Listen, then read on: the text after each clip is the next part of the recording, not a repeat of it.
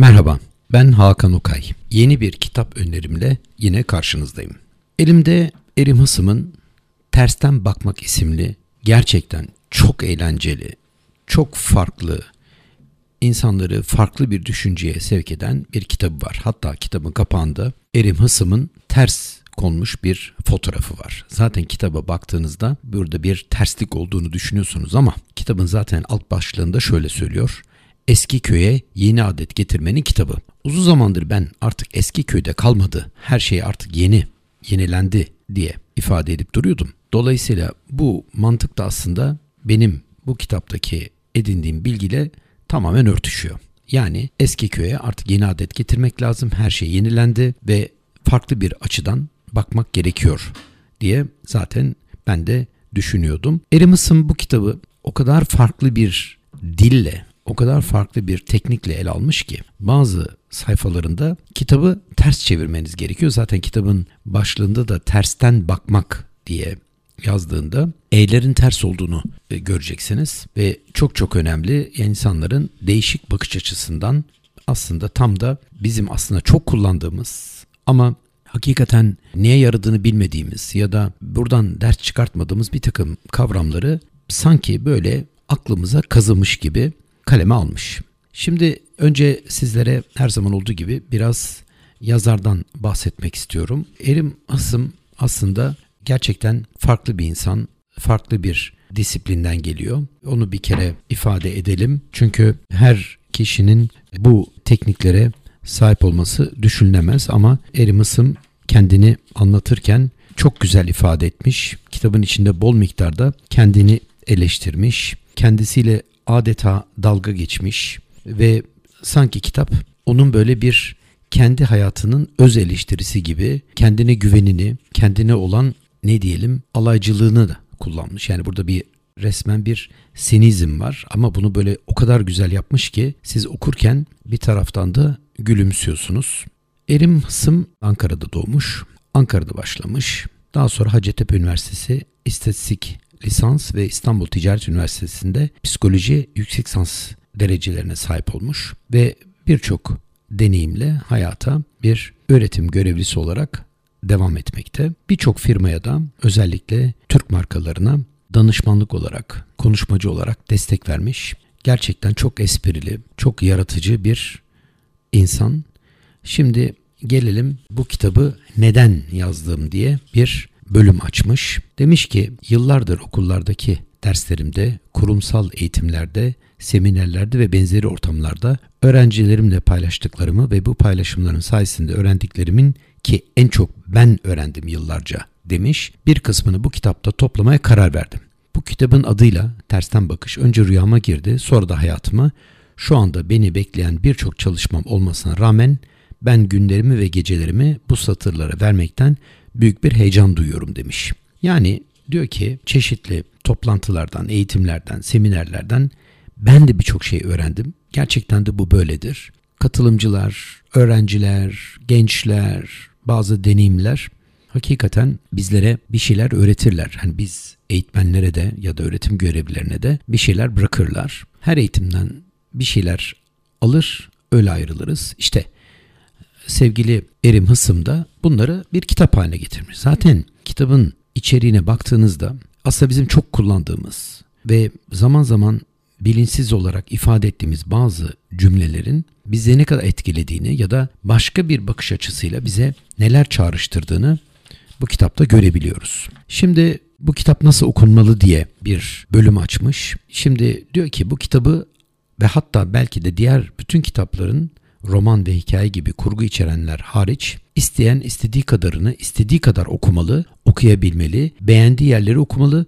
beğenmediklerini atlamalı diyor. Tam da belki iş kitaplarını ifade ediyor. Zaten genelde kitap sayfaları şöyle bir gözden geçirildiğinde sevimli ve sıcak bulunduğunda okunur. Bu ayarlardan sonra umarım bu kitabı okuma isteğiniz hala vardır. Yoksa ben bile lütfen diyor değişebilir diyor. Yoksa bile lütfen şimdi bırakmayın belki 3-5 sayfa sonra fikriniz değişir diyor. Yani kitabı elinize aldınız, biraz okudunuz, hemen kenara koymayın. Biraz daha devam edin, göreceksiniz diyor. Kitap sizi içine çekecek diyor. Şimdi tersten bakış ne demek? Aslında herkesin standart olarak görebildiğini farklı bir pencereden görebilmek ve buradan bir takım çıkarımlar yapmak anlamına geliyor. Zaten baktığınızda başarılı iş insanları herkesin gördüğünden farklı şeyler görebilen, başarılı yöneticiler herkesin fark edemediklerini görebilen insanlardır. Dolayısıyla bu kitapta sizin günlük hayatınızda geçen çeşitli konuşmaları ya da sözleri ele alıp bunları farklı bir şekilde yorumlayan bir tarzda yazılmış. Gerçekten de ben kitabı elime aldım. O kadar beni içine çekti ki neredeyse elimden bırakamadım. Aslında baktığınızda hepimizin bildiği ama fark etmediğimiz bazı küçük hikayeler bize çok ciddi bir takım fikirler veriyor. Dolayısıyla bunlar önemli. Mesela şimdi size 29. sayfada olmadı işte hani söz dinleyecektik başlıklı bir bölümden küçük bir anekdot anlatmak istiyorum. Diyor ki neyse diyor bir seferde pes etmek yok diyor. Yani bu kitabın başından gelen öğütlerine devamen benim öğütlerime bile tam teslimi doğru değil. Bundan sonra biraz daha dikkatli olalım lütfen. Hikaye der ki çocuğunu yetiştiren bir iş adamı baba ağaçtaki oğluna kollarını açmış ve atla evladım ben seni tutarım demiş.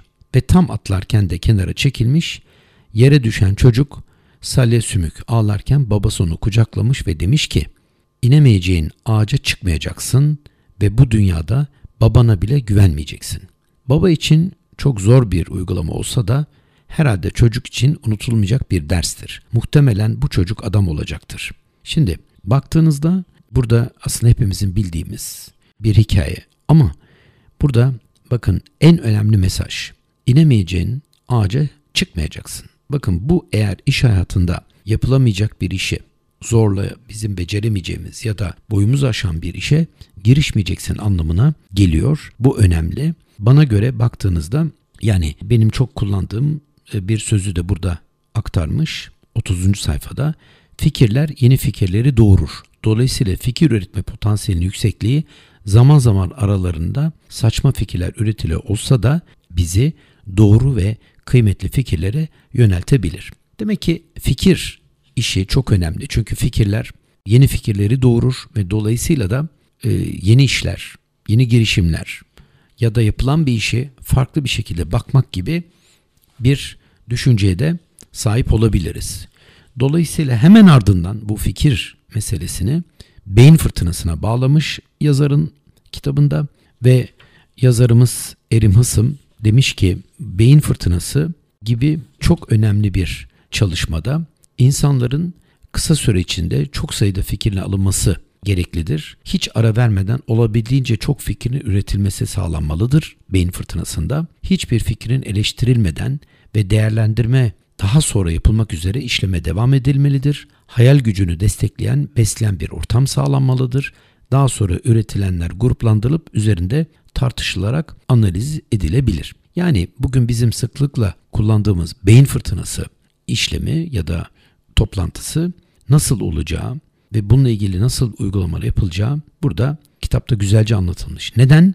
Çünkü insanların fikirleri var ve genellikle insanlar kurumlarda, şirketlerde kendi fikirlerini söylemekten çekiniyorlar. Fikirlerinin gülünç ya da uygulanamaz olacağını düşünüyorlar ya da e, acaba bu daha önce söylenmiş midir, daha önce bunun üzerine tartışılmış mıdır diye fikirlerini söylemiyorlar. Oysa bazı fikirler son derece basit ama çok etkili olabilir. Dolayısıyla fikirlerin ortaya çıkarılmasının önemli olduğunu ifade etmiş kitabında ki bu da aslında biliyorsunuz fikirler bazen yepyeni ufuklar açabilir. İşte beyin fırtınasını ifade etmesinin temel sebebi insanların zihninden bu e, fikirleri alabilmek, çıkarabilmek. İşte tersten baktığınızda kitaba işte bu yaklaşımla böyle fikirler ortaya çıkabilir ve bunu da mutlaka bir toplantı ya da bir böyle bir fikir ortaya çıkartacak e, bir beyin fırtınası e, toplantısıyla da ortaya koyabilirsiniz diyor. Şimdi kitapta kendi fotoğrafları var. Çok eğlenceli. Yani işte baktığınızda kravatlı ama altında şort giymiş 48. sayfada işte hoca kravat tak gömlek giy dediğinde Onun altına bir bermuda şort giymiş ve öyle gelmiş toplantıya. İşte kravat taktım. Yani buradaki aslında değişik bakış açısını kendi hayatında da uygulayan, inanılmaz bir tarz sergileyen yazarımız kitabında farklı bakış açısını nasıl hayata geçireceğimizi adım adım ve bazı komik hikayelerle anlatmış ve hakikaten de baktığınızda kitabın neredeyse gülümsemediğiniz bir satırı yok. Şimdi kitabı böyle satır satır okuduğunuzda her bölümde yeni bir fikir geliyor karşınıza. Aslında sizin normal baktığınızda hiç dikkatinizi çekmeyen ama irdelediğinizde size yepyeni ufuklar açan bazı sözler var. Dolayısıyla bizim çok sık kullandığımız bazı cümleler burada yer edilmiş. Mesela 75. sayfasında acı var mı acı diye bir başlık var. Şunu da şöyle anlatmış. Bu başlık size eski bir haber spikerimizi hatırlatıyor olabilir ama amacım lafı oraya bağlamak değil. Konu benim çocukluğumdaki acı biberle de ilgili. Bu acı başka acı. İnsanların hayatlarında özellikle de çocukluk dönemlerinde çektikleri sıkıntılardan söz ediyorum aslında. Bu sıkıntılı dönemin kişinin gelişiminde çok önemli katkıları olduğu yatsınamaz bir gerçek. Bir şey zorlandıkça ve zorlu dönemlerden geçtikçe bu sıkıntıların bireylerde kamçı etkisi yaratacağı konusunda birçok bilimsel çalışma mevcut. İyi şartlarda yaşamış ve okumuş birçok bireyin vasat performans gösterdiğinin haber değeri yok gibidir. Üniversite ve liseye giriş sınavlarında önemli başarıların kıt imkanlarla okuyan çocuklardan geldiği görülmektedir. Hatta genel okul başarılarının da olanakları düşük okullarda ve bölgelerde yüksek olduğu nettir. Yani demek ki geçmişte yaşanan, yaşanan bir takım sıkıntılar ileride çok daha insanları başarıya odaklayacaktır. Aynı sıkıntıları yaşamamak adına özellikle imkanları sınırlı olan bölgelerden ya da okullardan yetişen insanların hayata çok daha sıkı tutundukları ve bunun da onları kamçıladığı görülüyor. İşte baktığınızda başlığı ilk okuduğunuzda aklınıza başka fikirler geliyor ama sonra bunun sizi başka bir yere doğru düşüncelerinizi çektiğini görebiliyorsunuz. Dolayısıyla kitabın e, her başlığının altında farklı açılımlar, farklı fikirler görüyorsunuz. Dediğim gibi kitap size başka bir düşünceyi sevk ediyor. Mesela baktığınızda kitapta yine 89. E, sayfada kübizm diye bir başlık var. Bildiğiniz gibi kübizm 20. yüzyılın başlarında resim alanında ortaya çıkmış bir akımdır. Öncülüğünde Pablo Picasso yapmıştır. Şimdi bu konuya nereden geldik diyebilirsiniz demiş yazarımız. Ben bir konuyu kolay kolay ele almam. Önce benim rahatım kaçar. Konu içimde büyür, büyür, bakarım böyle olmaz derim. Ben de başkalarının rahatını kaçırırım. Kabak sizin başınızda patlayacak anlaşılan. Şimdi gelelim konunun bizimle olan ilgisine. Birçoğumuza göre kübizm tarzında yapılmış tablolar yamuk, şekilsiz, çirkin hatta anlaşılmaz bulunmaktadır. Aslında yalan da sayılmaz. İlk başta bir şey anlamak çok da olası değildir. Peki neden böyledir? Buna rağmen neden rağbet görmektedir bu eserler? İsterseniz önce bu tarzın dışındaki klasik eserleri ele alalım. Bu eserler somut objeler, belli perspektiflerden bu tür eserlerde somut objeler belli bir perspektiften resmedilir. Yani sadece bir açıdan görülür ve o açıdan ele alınır. Söz gelimi bir vazo çizildiğinde vazonun ressamın görmediği açıdan iz düşümüyle ilgili hiçbir saptama söz konusu değildir. Oysa kübizm sanıldığı gibi bir araya getirilmiş küplerden ibaret değildir. Evet yapısı gereği birçok küp bir aradadır ama yan yana getirilen bu küpler objenin ressamın görmediği açılardan iz düşümlerini içermektedir. Sanırım el işi derslerinde hepimize dikdörtgen prizmanın silindirin açılımları çizdirilmiştir. Anlaşılması gereken klasik stilin tahmin, kübizm işi gerçek olduğudur. Kitabımızın birçok bölümünde işlediğimiz farklı bakış açılarını bütünsel bir biçimde ele alıyor olması da ayrıca heyecan verici bir durumdur. Kübizmin ortaya çıkmasının üzerinden bir asırdan fazla zaman geçtiğini unutmayalım. Rivayete göre Picasso'nun çırağı ustasının eserlerine bakıp beğenmediği çizimlere çok üzülür ve ustasına demiş ki ustacım istersen sen de güzel resim yapabilirsin değil mi? Demiş. Ustası da ne cevap vermiş onu bilemiyorum ama sanıyorum göze hoş gözüken gerçek dışı şeyleri isteseydi Picasso da yapabilirdi. Yani bu kübizm sadece resimde görmediğimiz bir cismin diğer boyutlarını görmek gibi ifade ediliyor. E dolayısıyla biz hayata da bir kübist bakış açısından baktığımızda görmediğimiz iz düşümlerini de anlamak. Bakın kitap ne kadar aslında derin bir felsefeyi başka bakış açılarında anlatıyor. Dolayısıyla işin bu boyutuna baktığınızda gerçekten de size herhangi bir olayın görünmeyen tarafını, fark etmediğimiz tarafları göstermekte çok başarılı. Kitabın içinde bir sürü e, görsel var. Yani nereden nereye geldiğimizi anlatan görseller. İşte zamanda yapılmış basit bir otomobilden çok modern, süratli bir arabaya, bir spor arabaya kadar bir masa telefonundan cep telefonuna, bir el hesap makinesinden ki bu kolla çevrilen fasit diye adlandırılan isimden e, isimli bir makineden bir masaüstü hesap makinesine kum saatinden kolumuzdaki modern saatlere kadar bir takım gelişimler ve bu da okulların ya da hayatın nereden nereye evrildiğini anlatan e, ve hayattaki bu değişimi bize sürekli gösteren bir gelişimi anlatmakta. Şimdi baktığınızda benim kitabın en çok beğendiğim bölümü benim de felsefe olarak çok benimsediğim e, bir konuyu aktarıyor. 101. sayfada diyor ki ne derler? Türk gibi başla, Alman gibi sürdür ve İngiliz gibi bitir. Şimdi demek ki burada şunu fark ettiriyor bize. Yani Türkler büyük bir heyecanla, büyük bir istekle bir işe sarılıyor ama bunun sonunu çok fazla getiremiyorlar. Çünkü sürdürmek önemlidir ve dolayısıyla da Almanların buradaki disiplini ve yaklaşımı hatta burada Almanya'da yaşayan Türklerin aynı felsefeyi kabul ettiklerini ve o disiplini yansıttıklarını ve devam ettiklerini görebiliyorlar. Dolayısıyla e, bunu da çok güzel anlatmış kitabının bu bölümünde. Ancak bir de kendi yorumunu katmış. Gelelim tümcemizin sonuna İngiliz gibi bitir denmekle birlikte ki tam sebebini ben de bilmiyorum. Ben onun yerine Japon gibi bitirmeyi yeğliyorum demiş. Birçok örnekte olduğu gibi vazgeçmeyen, sabırla ve inatla sonuna kadar koşan kültürel yapıları var.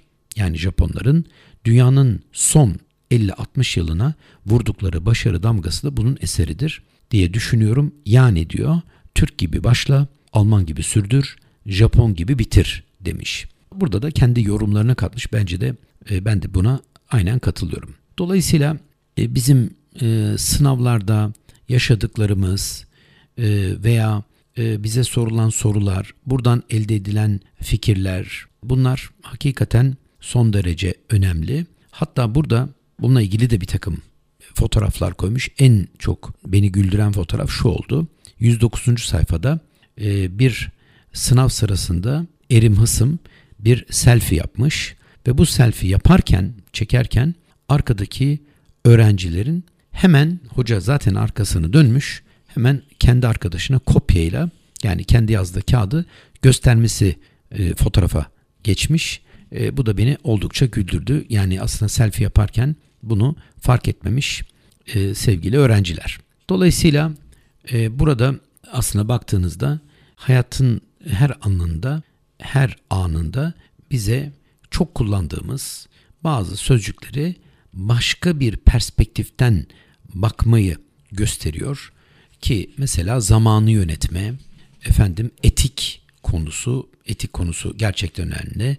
Bakmak ve görmek bu hakikaten her zaman kullandığımız bir sözcük. Yani bakmakla görmek arasındaki farkı bunu bize çok güzel anlatmış. Problem çözme ki problemlerin aslında nasıl çözülebildiği, e, nasıl bununla ilgili de güzel infografikler hazırlamış kitapta. Yani problemi nasıl çözeceğimiz, problemle ilgili nasıl yol alacağımız burada esprili bir dille anlatmış kitapta. Soruları doğru sormak, hangi soruların nerede sorulacağı, beynimizin ön lopunun nasıl çalışacağı ve bu çalıştığı zamanda nasıl bir fark yaratacağı gibi harika bir takım yazılar, bir takım bölümler var. Ben de size bu kitabı kesinlikle e, hem gülümsemek hem de olağan hayatımızın olağan akışındaki çok sıklıkla kullandığımız bazı cümlelerin yazarda ve dolayısıyla okudukça sizde uyandıracağı etkileri anlatmak istiyorum. Mesela 147. sayfada pazartesi sendromu diye bir başlık var. Şimdi hangimiz yani belki de bugün profesyonel anlamda çalışan ya da işte beyaz yakalı dediğimiz tabii diğer yakalılarda da olabilir. Her pazartesi günü bir sendromla karşı karşıya kaldığımızı yani pazartesi sendromu olduğunu genellikle ifade ederiz ve yüzde belki de 90 oranında bu böyledir. İşte bu pazartesi sendromunu başka bir perspektiften ele almış ve e, bunun aslında başka bir insanlarda bir motivasyon olduğunu da güzel ifade etmiş. Dolayısıyla hani pazartesi sendromu aslında insanlarda mesela demiş ki illa bir sendrom konuşmak istiyorsak benim için ancak çalışmadığım günleri bulup çıkartmak gerekecek. Teorik olarak böyle bir gündeyim şu an aslında. Çünkü tam da bu satırları kaleme alırken Ege'de tatildeyim. Tatil sendromu yaşamamak için bilgisayarımı yanıma aldım ve çalışmaya devam ediyorum demiş. Yani üretmediği, çalışmadığı zamanın aslında bir sendrom olduğunu ifade etmiş ve burada da bu sendromu yaşamamak için de yani tatilde bile e, bir takım çalışmalara devam etmiş. E, bir bölüm var aslında baktığınızda yaratıcılık. Bu yaratıcılık bölümünde inanılmaz e, farklı bir yani kitabın başlığında şunu fark ediyorsunuz. Şimdi bunu tabi radyoda olduğu için göstermem mümkün değil ama şöyle size ifade edeyim. Yaratıcılık yazarken kitabın o, o bölümün başlığında yaratıcılığın Y, A ve R küçük harflerle yazılmış yani miniskül. Geri kalan kısmı atıcılık kısmı ise majiskül yani büyük harflerle yazılmış. Yaratıcılık kısmındaki demek ki e, yar kısmını küçük harflerle yazdığı için siz atıcılığı büyük harflerle okuduğunuzda demek ki yaratıcılığın içinde atıcılık var. Yani bir bir şeyi atıyorsunuz gibi böyle bir fikir üretmiş ve dolayısıyla e, bu atış kısmının fikir üretmek olduğunu, ortaya bir şey atmak olduğunu, yaratıcı fikirler için biraz da atmak olduğunu çok güzel. Bu sadece başlıkla bile ki sonunda bunu 140 e, ve 150. sayfalarda e, nefis olarak açıklamış. Düzden bakmak, öğrenilmiş çaresizlik. Bu öğrenilmiş çaresizlik konusu hepimizin gündemindedir. Ne yapabiliriz ki ya da yapacak bir şey yok gibi e, düşüncelerle yine bu bölümde size insanların aslında farklı perspektiften baktıklarında mutlaka bir çözüm yolu olabileceğini anlatmış. Kitabın 161. sayfasında odaklanma diye bir bölüm var. Şimdi bu odaklanma, odaklanma diye e, bunu böyle okuyabilirsiniz. Çünkü odaklanma başlığını yine son iki harfi M ve A odaklanma kısmında ikisinde büyük harflerle yani majiskül yazmış. Odaklanmanın nasıl olması gerektiğini, neye odaklanıp neye odaklanmayacağımızı da örneklerle ve yüzdelerle açıklamış. Dolayısıyla bunlar gerçekten önemli. En çok beğendiğim bazen ben de bu örneği kullanırım. 168. sayfada bir İsviçre çakısı var ve ben bu çakıyı tabii ben, ben de İsviçre çakısı görmüştüm ama buradaki koyulan fotoğrafta e, gerçekten 20'den 30'dan fazla üzerinde fonksiyon olan bir çakı bu. Ve diyor ki bir açacağı bulmak lazım. Bir gazoz açacağını bulman gerekiyor diyor. Bütün parçaları tek tek açman gerekiyor ve iş işten geçiyor diyor o parçaları bulmak için. Oysa diyor onu kullanana kadar e, basit bir açacak işi görür diyor. Yani çok fonksiyonun olması ve hangi fonksiyonun hangi işte yararlı olabileceğini bulana kadar iş işten geçiyor diyor. Bunu yerine diyor tanımlanmış tek bir iş yapmak, uzman olmak gibi bir bölümle de bağlamış. Yani kitaba baktığınızda hakikaten konuşur gibi, sohbet eder gibi konu konuyu devam ettiriyor. Açıkçası ben kitaba bayıldım. Hatta bizim çok kullandığımız bazı terimler bize farklı bir bakış açısından geliyor. Mesela sallama diye bir bölüm var. Şimdi 175. Şimdi sallama her türlü olabilir. Mesela sallama çay vardır. Bir fikirlerde insanlar sallıyorum derler. Bunun gibi e, farklı farklı bakış açılarından bacakları sallamak ya da benzer şeyleri çok güzel anlatmış. Dolayısıyla bu bakış açısını başka bir perspektiften bakarak bize yeni bir perspektif kazandırıyor. Bana göre konuşmacıların, toplumda fark yaratmak isteyenlerin, yöneticilerin veya hayata fazla ciddiye bakıp e, kendilerini sıkıntıya sokan insanların mutlaka bu kitaba bir göz atmalarında fayda var. Bu sadece bu kitabı sadece bir iş kitabı gibi görmek önemli değil. Bu kitabı sadece bir iş kitabı gibi görmemek gerekiyor. Aslında bu bir hayat felsefesini anlatıyor. Dolayısıyla bence e, bu kitap ele alınmalı. Detaylıca hatta istiyorsanız üstünü çizerek okumalı ve size yepyeni bir bakış açısı kazandıracağına inanıyorum. Kitabın özellikle 189, 190, 191. sayfalarında misyon ve vizyonla ilgili e, fotoğraflı çok güzel örnekler anlatılmış. Hayatımızda hep olan ama hepimizin genellikle yanlış anladığı misyon ve vizyon çok güzel örneklerle anlatılmış. E, bence yöneticileri mutlaka hem kendileri hem bölümleri hem de şirketleri için aslında e, mutlaka bir kez bir göz atmaları gereken bir konu ve birçok e, hepimizin bildiği standart bazı örnekleri veya hikayeleri başka bir perspektiften ele alarak gözümüze çarpmasını sağlayan ve bize bir farkındalık yaratan bir eser.